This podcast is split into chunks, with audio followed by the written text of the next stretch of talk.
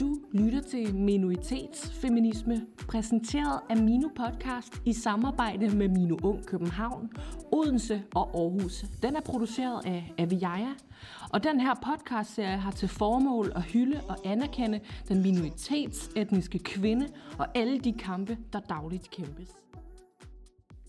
Mit navn er Nissa Kassep, og jeg er coach i livsdesign. Min rejse startede i virkeligheden for fem år tilbage, da jeg gik ned med stress. Jeg levede et ret hektisk liv med meget høje forventninger til mig selv, min IT-karriere, som jeg havde bygget op igennem de sidste 15 år, min familie og mine børn. Min sygdom opstod efter en lang periode med høj arbejdspres. Jeg var meget udforstyrret, jeg manglede fokus på mig selv og mit helbred, og så blev begge mine forældre syge på samme tid. Min krop begyndte at sige fra. Det manifesterede sig igennem migræner flere gange om ugen, hjertebanken, humørsvingninger, kedattighed, glemsomhed, huller i hukommelsen og hvor jeg tit tabte tråden. Jeg kunne ikke længere leve med det, som jeg dengang opfattede som et kæmpe handicap.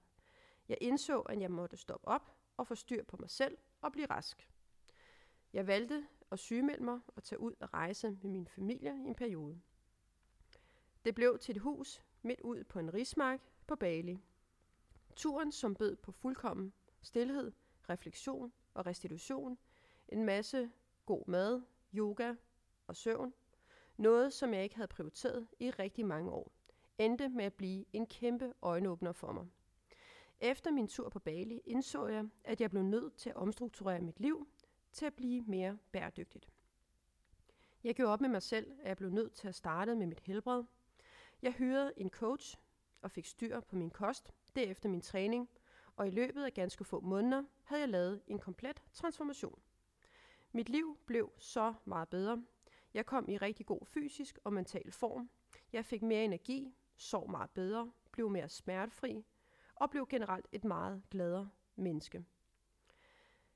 Det havde lykkedes mig at skabe et sammenhængende og robust livsdesign for mig selv. Da jeg indså, hvor meget bedre mit eget liv var blevet, og hvilke positive effekter det fik, ikke blot for mig selv, men også for alle omkring mig, var der noget, der gik op for mig. Hvis jeg kunne blive rask og få det så meget bedre, så kunne jeg måske hjælpe andre, som har været i samme situation som jeg. Jeg besluttede at uddanne mig til kostvejleder og personlig træner for at forstå kroppens anatomi og fysiologi. Dernæst tog jeg en uddannelse inden for positiv psykologi for også at kunne arbejde med det mentale aspekt. I dag har jeg stiftet en coachingvirksomhed, hvor jeg hjælper især kvinder med at skabe et bedre livsdesign de kvinder, jeg arbejder med, ender ofte med dårligt livsdesign, ligesom mig selv for nogle år tilbage, fordi de glemmer at zoome ud. Jeg mener, at vi mennesker har fire grundparametre i vores liv, som skal være i balance, for at vi kan skabe et sammenhængende livsdesign. Det er vores sundhed, vores relation, vores arbejdsliv eller karriereliv og vores økonomi. Egentlig når man tænker over det, så er det de elementer eller emner, som optager os hver evig eneste dag. Hvis et eller flere af disse områder bliver negligeret eller ikke fungerer optimalt, kommer vi i ubalance, og vores mulighed for at skabe et godt livsdesign bliver forringet. Egentlig handler det om bevidsthed og selvindsigt. Jo mere bevidsthed og selvforståelse du opnår i dit eget liv, jo større er sandsynligheden for, at du kan forbedre det.